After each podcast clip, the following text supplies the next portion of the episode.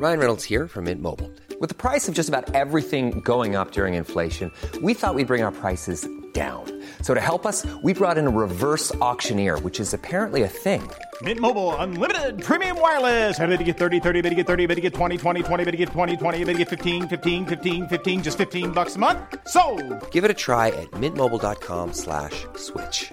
$45 upfront for three months plus taxes and fees. Promo for new customers for limited time. Unlimited more than 40 gigabytes per month. Slows. Full terms at mintmobile.com.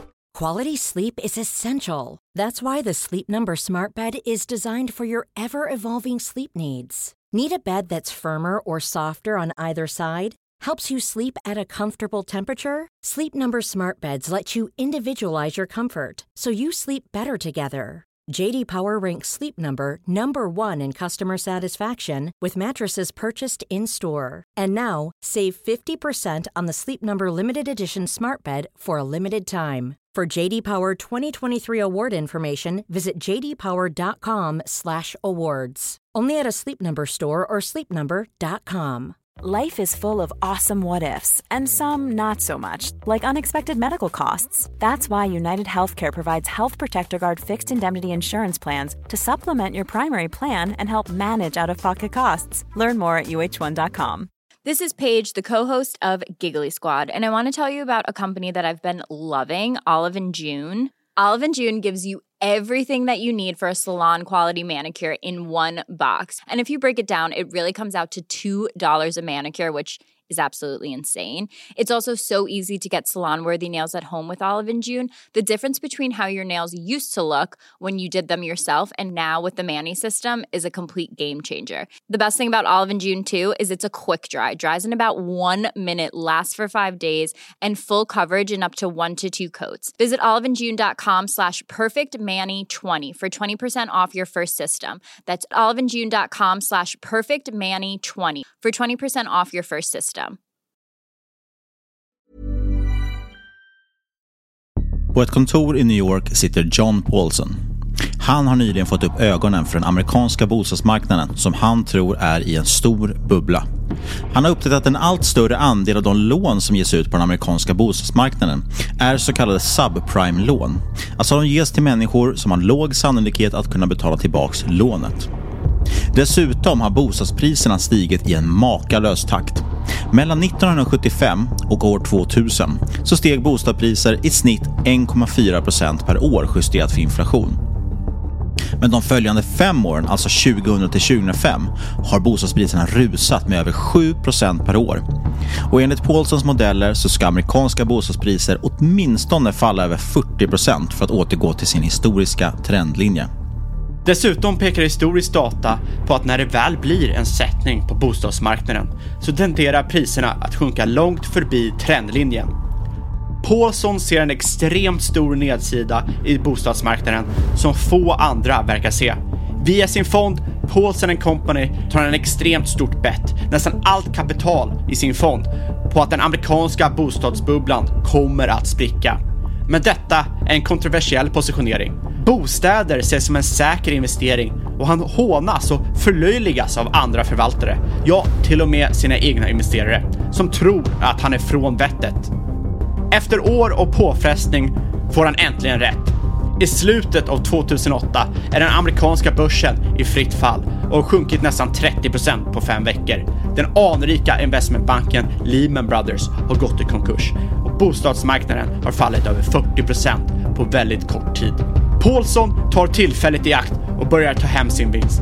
När han sålt hela sin position så har fonden avkastat över 20 miljarder dollar i den största traden någonsin. Bear Stearns was in a death spiral, and the Fed brokered its sale. The worst Well, we're in financial challenge- we're in crisis in modern times. times. But another thing is Certainly the largest financial taken, um, disaster in decades in this country, fall and perhaps the major end of an era in Street, American business. In the end, Louis Ranieri's mortgage backed security mutated into a monstrosity that collapsed the whole world economy. And none of the experts or leaders or talking heads had a clue it was coming. But there were some who saw it coming. While the whole world was having a big old party, a few outsiders and weirdos saw what no one else could. These outsiders saw the giant lie at the heart of the economy, and they saw it by doing something the rest of the suckers never thought to do. They looked. I'm amazed how many people own stocks. They, they would not be able to tell you why they own. They couldn't say in a minute or less why they own. Actually, you really press them down, they'd say, the reason I own this is the sucker's going up. There's enough cash in the financial system, and there's an infinite amount of cash at the Federal Reserve, an infinite amount Put of cash. Put that check in a money market mutual fund. Then we'll reinvest the earnings into foreign currency accounts with compounding interest, and it's gone. So they had to do something. All they had left was just to print money and start buying things. And that's what they did. Quick buck artists come and go with every bull market, but the steady players make it through the bear market. They say money can't buy happiness. Look at the fucking smile on my face. Hej och välkommen till Market Makers och den sista delen i vår sommarserie som, passande nog med tanke på hur börsen känns just nu, handlar om just börskrascher och kriser. Vi har avhandlat några av de största och enligt oss viktigaste bubblorna genom historien i årets sommarserie. Vi började med 20 och 30-talet och den stora depressionen. Sen kollade vi på oljekrisen på 70 och 80-talet. Och i förra veckan fick vi höra mer om dotcom-bubblan vid millennieskiftet. Men vi närmar oss allt mer nutid och ska nu i det här fjärde och sista avsnittet förkovra oss i krisernas kris. Finanskrisen 07-08. Här lades grunden för den tioåriga bullmarknad vi just genomlevt och kanske precis sett slutet av. Men varför skedde finanskrisen och varför agerade man som man gjorde efteråt? Dra upp volymen och luta dig tillbaks så ska du få höra allt om finanskrisen i Market Makers sista sommaravsnitt för 2022.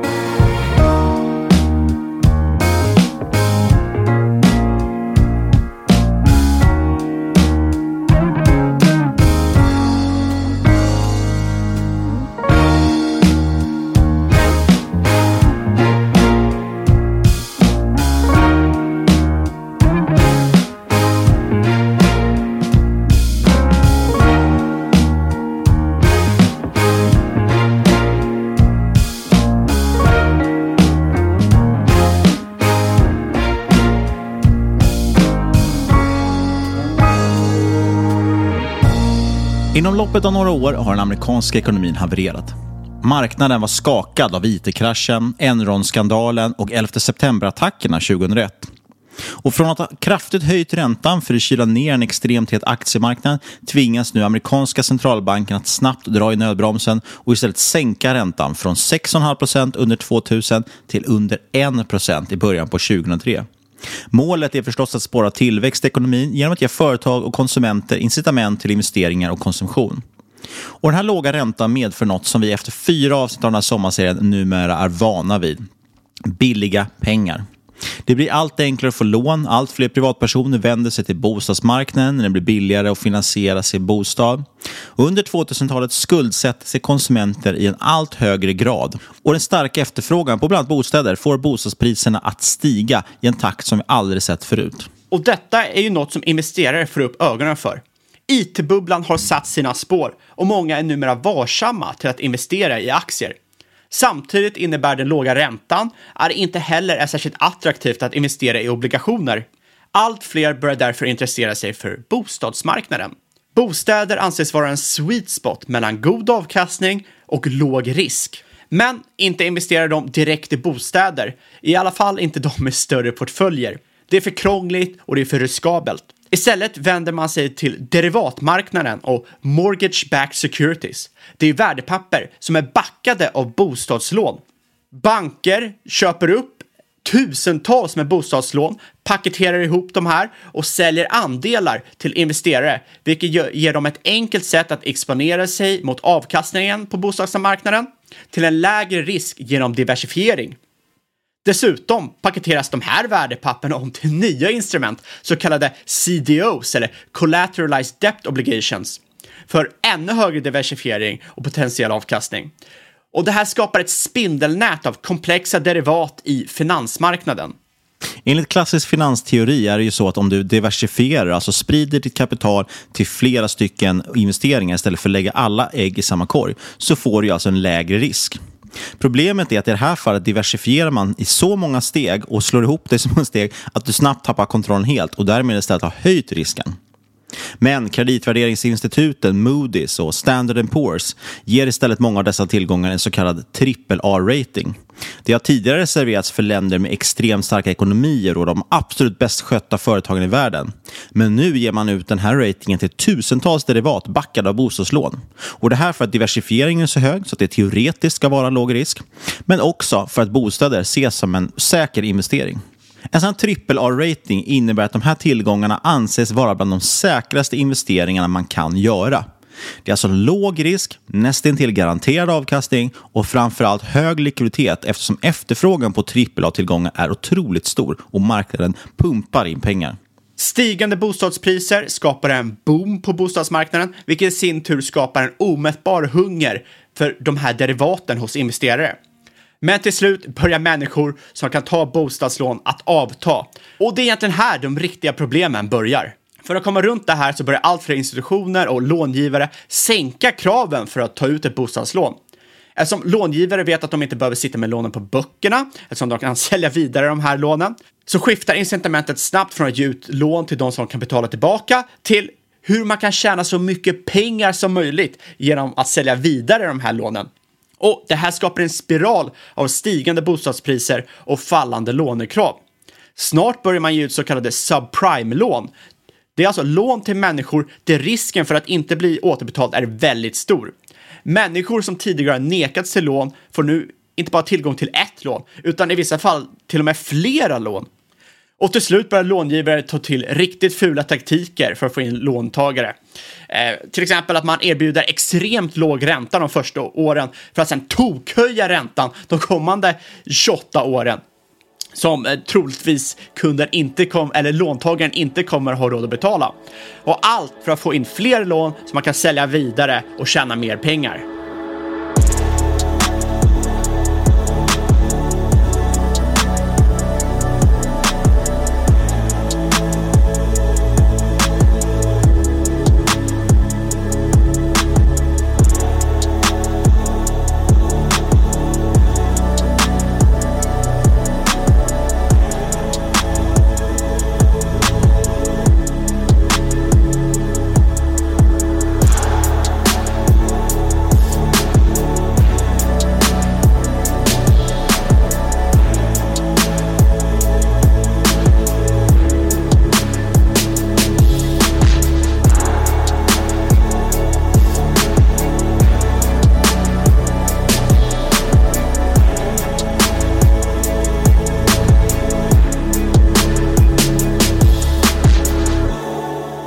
Men trots allt man gör för att försöka mätta efterfrågan på de här produkterna där man kan investera i bolån så börjar till slut bostadsmarknaderna att mättas. 2005 har bostadsägandet i USA pikat på 69 procent och under 2006, ja, då börjar bostadspriserna falla när köparna uteblir. Det här skapar stora problem för medelklassen i USA som nu står där med sina huslån som vida överstiger värdet på deras bostäder. Och de kan inte längre sälja sina bostäder utan att vara skyldiga banken pengar. Det här är ett problem som många löser helt enkelt genom att sluta betala på sina lån. Och Det skapar sedan en kedjereaktion av konkurser och en spiral nedåt för bostadspriser. Under 2007 uppstår allt fler tecken på problem och sprickor i fasaden. Bostadspriserna är ned i 17 av USAs 20 största bostadsmarknader. Bygglov, eh, som är en ledande indikator för bostadsefterfrågan, är ner över 50% för sin peak. Och utmätningarna av Kronofogden har mer än dubblats från början till slutet av året. En efter en går långivare i konkurs. Bara mellan februari och mars 2007 går mer än 25 långivare under i USA. Subprime-lånbolaget New Century Financial kammade hem nästan 60 miljarder på bostadslån 2006. och nu går de i konkurs. I mars 2007 så börjar flertalet förvaltare att minska sin exponering i CDO-positioner.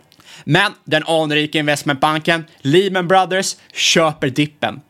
Många av tillgångarna har ju som sagt en AAA-värdering eller AAA-rating och Lehman Brothers anser att den här försäljningen är helt irrationell. Ovetandes har de redan grävt sin egna grav.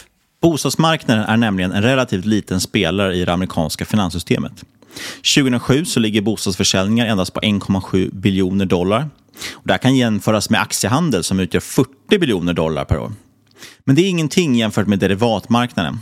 För 2007 så är handelsvolymen av sådana här mortgage-backed securities och relaterade derivat över 80 biljoner dollar. Det här växt till ett monster som inte går att kontrollera. Och Det innebär alltså att för varje dollar en privatperson har stoppat in ett bostadslån så har Wall Street stoppat in 50 dollar som bett på det här lånet. Hävstången i det här systemet är enorm. Och Lehman Brothers har nu en hävstång på 33 mot 1. Det vill säga, för varje dollar de har i kapital så har de 33 dollar i finansiella positioner. Så det räcker med 3-4% nedgång i deras portfölj för att de ska ha negativt eget kapital och riskera konkurs. Och det här är de inte ensamma om. I snitt har storbanken i USA en leverage ratio, eller en hävstång, på 30 gånger. Men det som gör Lehman Brothers nästintill unika är deras omätbara hunger för mortgage-backed securities och andra liknande derivat.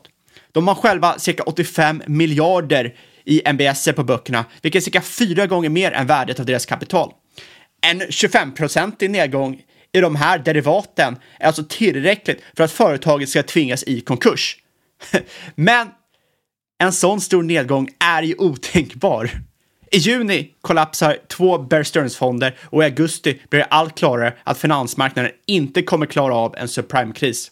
Inte bankmarknaden, alltså marknaden som står för flytt av pengar över landsgränser, fryser helt. Bank of England de tvingas nödfinansiera den engelska banken Northern Rock och BNP Paribas varnar investerare att det finns en risk att de inte kan likvidera sina fondpositioner. I oktober 2007 blir den schweiziska banken UBS den första banken att deklarera förluster 3,4 miljarder dollar relaterat till subprime-investeringar. I början på 2008 är USA i recession. I januari tvingas Fed sänka räntan med 0,75 procent för att lindra nedgången i ekonomin och aktiemarknaden. Det är den mest aggressiva sänkning man sett på 25 år. Politikerna går på instinkt och försöker blåsa upp bostadsbubblan igen i tron att det är det bästa för marknaden. Florida, en av de hårdast drabbade delstaterna, lägger till exempel fram ett förslag att ge 10 000 dollar i kredit till alla nya bostadsägare. Och i februari då lägger amerikanska kongressen fram ett förslag att man ska expandera utlåningskapaciteten för både the Federal National Mortgage Association och the Federal Home Loan Mortgage Corporation, också kända som Fannie Mae och Freddie Mac, två av landets största bostadslånsgivare. Det här gör man i hopp om att få liv i bostadsmarknaden igen, men marknaden fortsätter falla 20% under 2008. Samma månad tvingas England nationalisera Northern Rock och i mars kollapsar investmentbanken Bear Stearns, en pelare på Wall Street sedan 1923. Och tillgångarna köps slutligen upp av JP Morgan Chase för pennies on the dollar. Till sommaren så sprider sig blodbadet allt snabbare. Indy Mac Bank blir en av de största bankerna att gå under i USAs historia. Snart tvingas USA även att nationalisera Fannie Mae och Freddie Mac för att de inte ska gå under. Finansmarknaden är i fritt fall. Och nu är Lehman Brothers i kris. De försöker sälja av sina stora exponeringar av derivat, men på grund av den kraftigt stigande premien på CDSer, investeringar som betalar ut vid en potentiell konkurs av bolaget, så lyckas de bara dra ner sin exponering med 20% Den 15 september 2008 går Lehman Brothers under. Det blir USAs största konkursansökning någonsin och totalt håller Lehman Brothers 600 miljarder dollar i tillgångar på böckerna. Mer än tio gånger så mycket som Enron hade vid sin konkurs sju år tidigare. När Lehman Brothers går i konkurs blir det den händelse som triggar vad som kommer att bli den största finansiella kris världen har skådat sedan den stora depressionen, där vi började årets sommarserie. Världens banksystem är nu på gränsen till kollaps och de kommande sex månaderna faller Dow Jones Industrial Average över 50% i vår tids största panikförsäljning av aktier. Det här spindelnätet av derivat som i teorin skulle vara så låg risk får nu hela banksystemet i USA att frysa till is.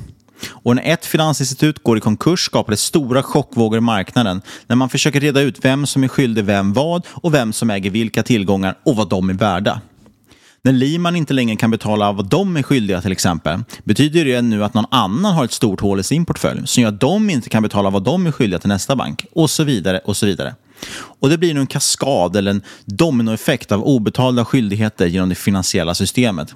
Ingen vet vem som kan gå under härnäst och den amerikanska staten tvingas rycka in på nytt och rädda situationen.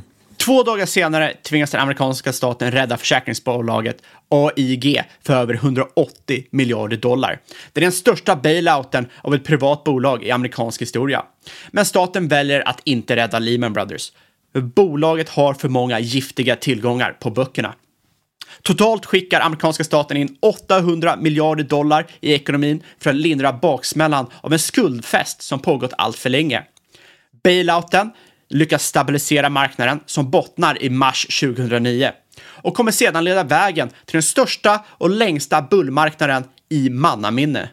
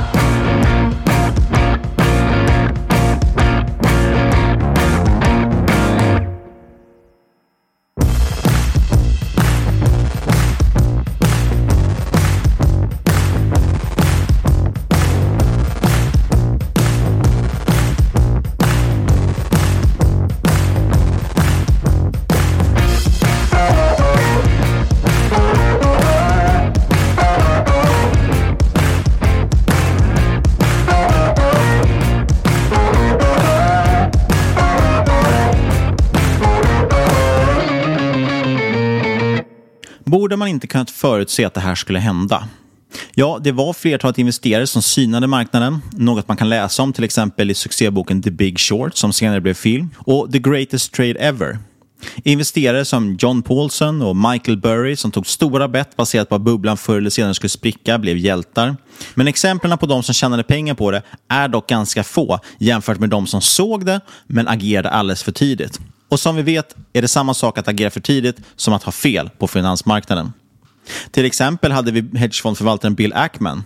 Han var tvungen att stänga sina positioner med stor förlust tidigt 2007. Hade han kunnat hålla ut lite till hade det betalat av sig många gånger om. Men det var inte bara professionella investerare som såg en bubbla på horisonten.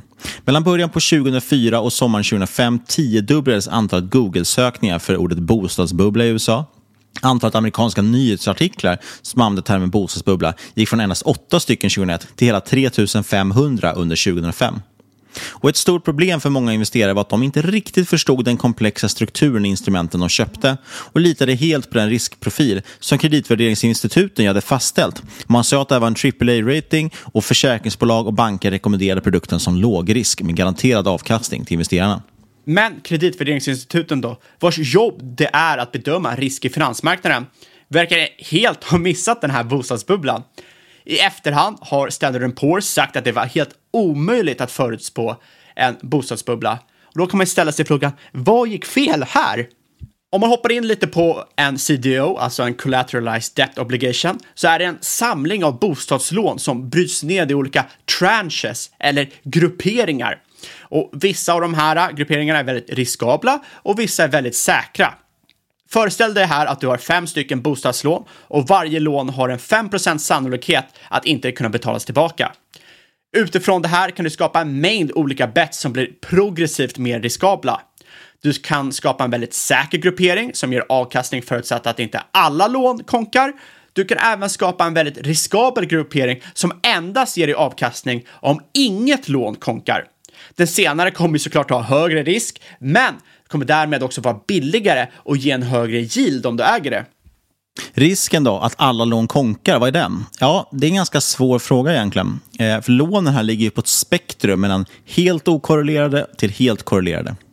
Ofta kan man anta att lånen är helt okorrelerade. De är ändå utlån till olika personer med olika ekonomier och bostäder. Och därmed är då risken diversifierad. För om en snickare i Cleveland inte kan betala tillbaka sitt lån så borde inte det påverka en tandläkare i Denver.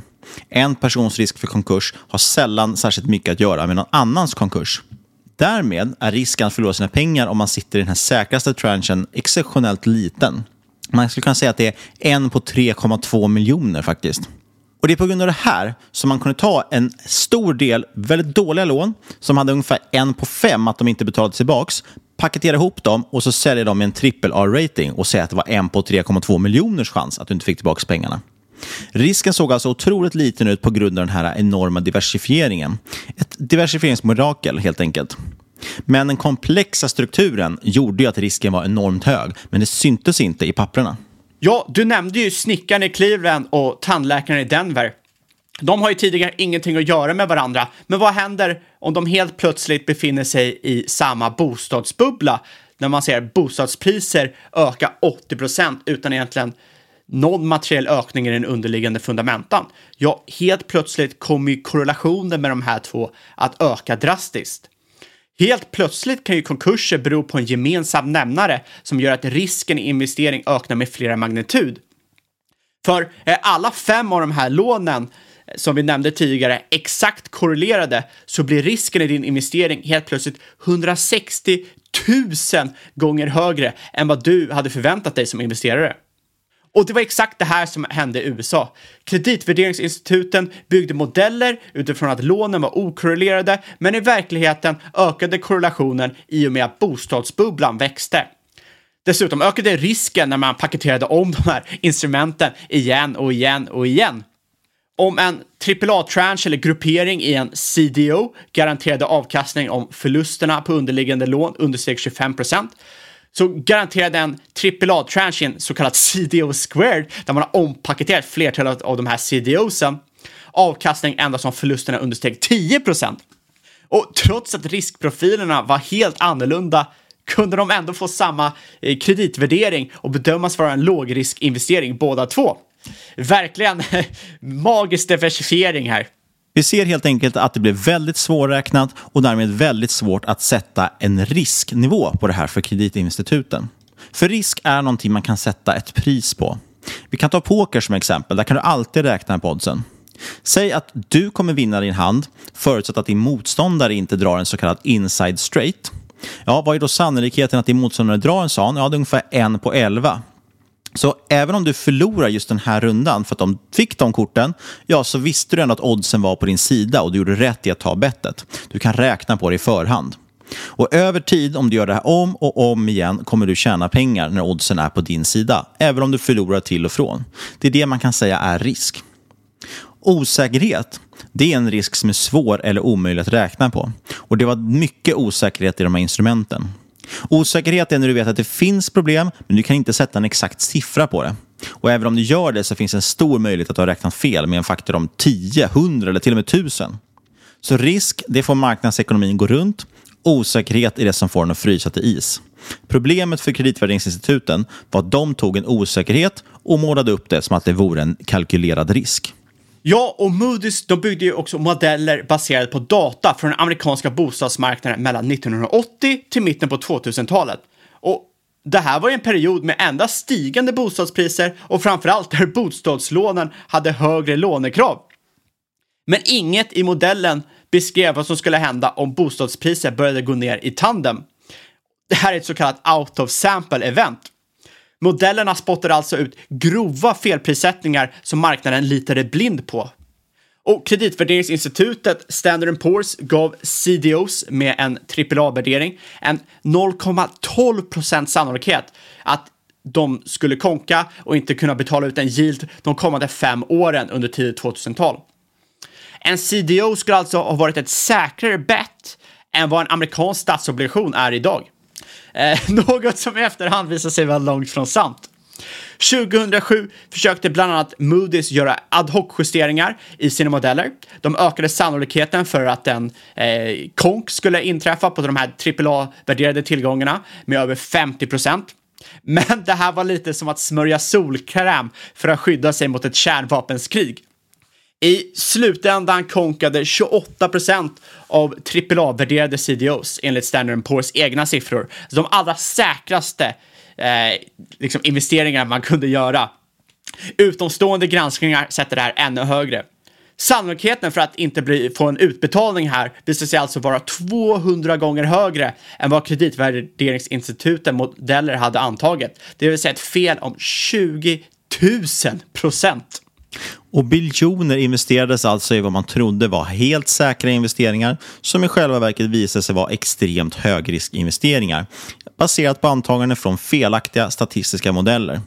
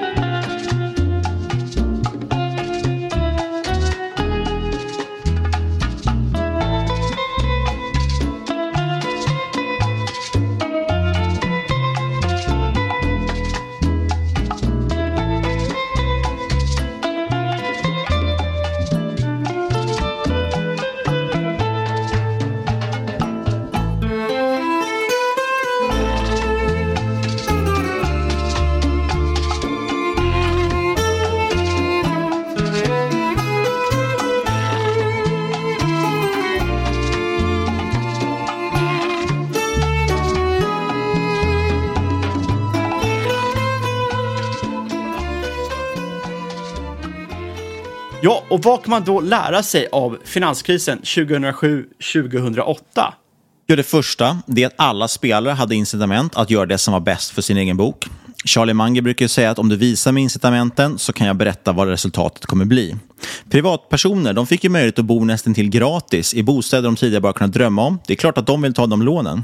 Banker och långivare de tjänar storkovan på att ge ut så mycket lån som möjligt och sälja dem vidare. Och politikerna hade också såklart incitament att få bostadsmarknaden att fortsätta eftersom högre bostadspriser också ger högre konsumtion och därmed växer BNP. Och inte minst hade ju också de här kreditvärderingsinstituten som Standard Poor's och Moody's stora incitament för att hålla igång festen genom att sätta höga ratings på osäkra tillgångar. De här två bolagen verkar faktiskt under ett statligt fastställt oligopol. Och de fick värdera 97 procent av alla sådana här CDOs som släpptes på marknaden. Många förvaltningar, till exempel pensionsfonder, de har ju krav på sig att endast kunna köpa värdepapper som fått en rating. Alltså är den här ratingen otroligt viktig och dikterar i princip var våra pensionspengar och så vidare placerar sig. Ja, och CDOs och andra derivat var ju såklart en kanonaffär för kreditvärderingsinstituten. De fick nämligen betalt för varje CDO som de värderade. Ju fler CDOs, desto högre vinst och en oändlig mängd CDOs kunde ju skapas genom en oändlig mängd kombination av olika lån. För att inte nämna eh, kombinationen av CDOs när man paketerade om det här till CDO squares och så vidare. Så man ser ju verkligen så här en rak led här mellan att långivare och olika banker tjänar jättemycket pengar på att ge ut så mycket lån som möjligt och sen att banker, andra banker packar ihop paketerar ihop det här till olika CDOs och eh, MBS och säljer det vidare till investerare. Och sen att kreditvärderingsinstituten bara vill ha så många som möjligt för att kunna eh, ratea så många som möjligt och dra in så mycket pengar som möjligt. Det var verkligen en girighetstid. Moody's intäkter inom så kallad structure finance, där de här derivaten ingick, mer än åttadubblades mellan 1997 och 2007. Och under bubbelåren utgjorde det en majoritet av verksamheten.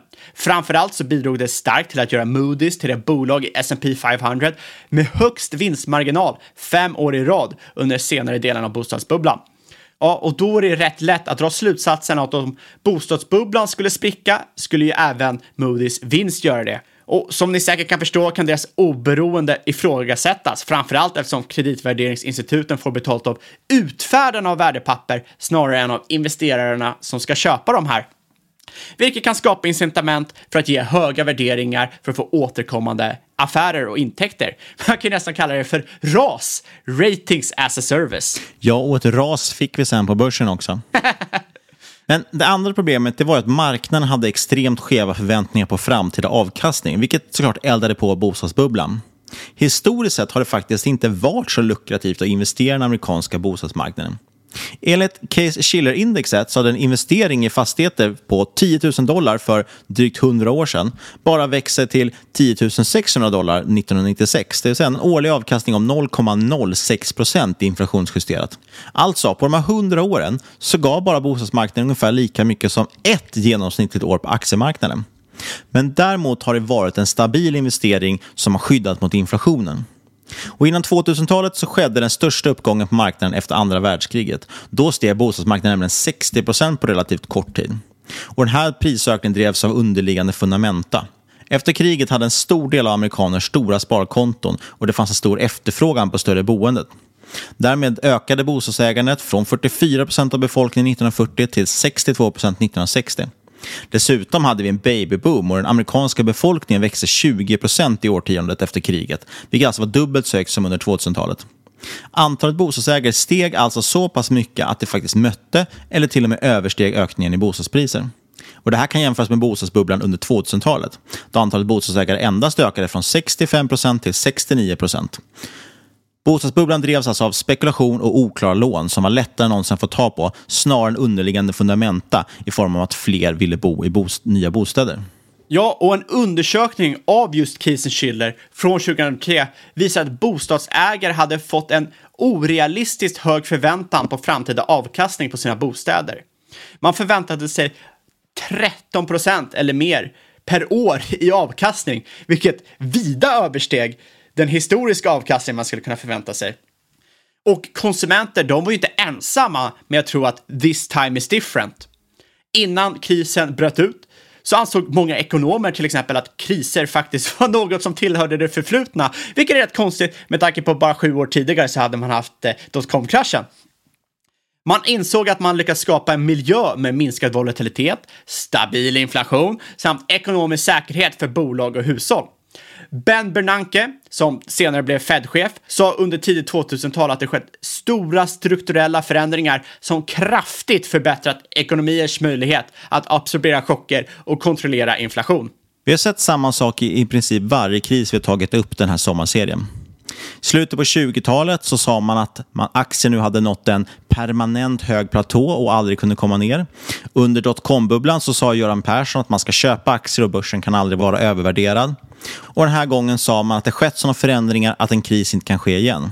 Och faktum är att igen, 2017, då sa Janet Yellen som var Fed-chef för den tiden att hon inte såg en ny finanskris komma inom våran livstid. Så åter, eh, åter igen så tror vi varje gång att vi har lärt oss av historien och inte ska göra om samma misstag. Och på sätt och vis stämmer det ju, för vi gör inte om exakt samma misstag, men vi gör nya misstag som resulterar i nya krascher. Och även för de som var mitt inne i den här krisen så var det svårt för många att se hur allvarligt läget var. I december 2007 förutspådde till exempel ekonomer i Wall Street Journal att det fanns en 38% sannolikhet att en recession skulle inträffa det kommande året. Det kan man jämföra med nuläget när också ganska få tror på en recession trots att allting pekar på det. Och Det här var anmärkningsvärt för datan senare visade att ekonomin redan var i en recession när Wall Street Journal skrev det här 2007. Och många missade också hur mycket fallande bostadspriser skulle påverka den amerikanska medelklassen. 2007 hade den genomsnittliga medelklassamerikanen 65% av sin förmögenhet i sin bostad samtidigt som ett sparkonto, aktier, pension, cash och så vidare minskat med 14 mellan 2001 och 2007. Det innebär alltså att en stor del av gemene mans besparingar helt försvann i den här kraschen. Det andra som många missade var den höga hävstången i systemet skulle sprida kaos i ekonomin. Så trots att bostadsmarknaden var en ganska liten andel av ekonomin så gjorde hävstången att effekten blev enormt stor. Och Det här ser vi återigen också i nästan varenda bubbla vi tittar på. Att det är alltid hävstången, belåningen och de stora krediterna som gör att kraschen blir så pass stor. Och I efterhand ser det såklart självklart ut, men man måste komma ihåg att hindsight is 2020. Det är alltid lätt att förutspå saker i backspegeln.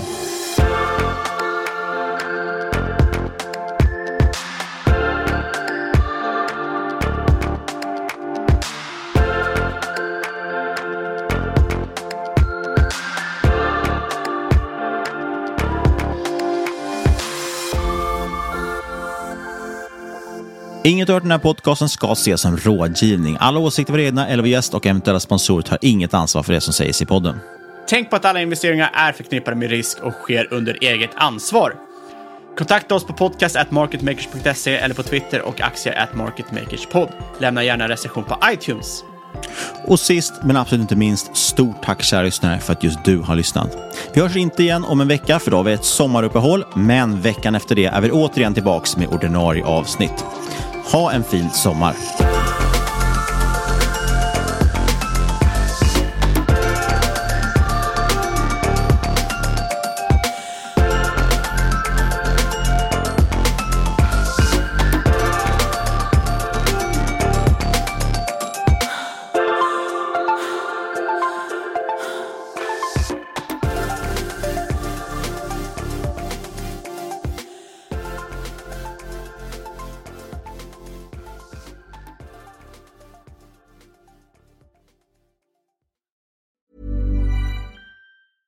Mom deserves the best, and there's no better place to shop for Mother's Day than Whole Foods Market. They're your destination for unbeatable savings, from premium gifts to show-stopping flowers and irresistible desserts. Start by saving 33% with Prime on all body care and candles. Then get a 15-stem bunch of tulips for just $9.99 each with Prime. Round out Mom's menu with festive rosé, irresistible berry chantilly cake, and more special treats. Come celebrate Mother's Day at Whole Foods Market. Mom deserves the best, and there's no better place to shop for Mother's Day than Whole Foods Market. They're your destination for unbeatable savings, from premium gifts to show-stopping flowers and irresistible desserts. Start by saving 33% with Prime on all body care and candles. Then get a 15-stem bunch of tulips for just $9.99 each with Prime. Round out Mom's menu with festive rosé, irresistible berry chantilly cake, and more special treats. Come celebrate Mother's Day at Whole Foods Market.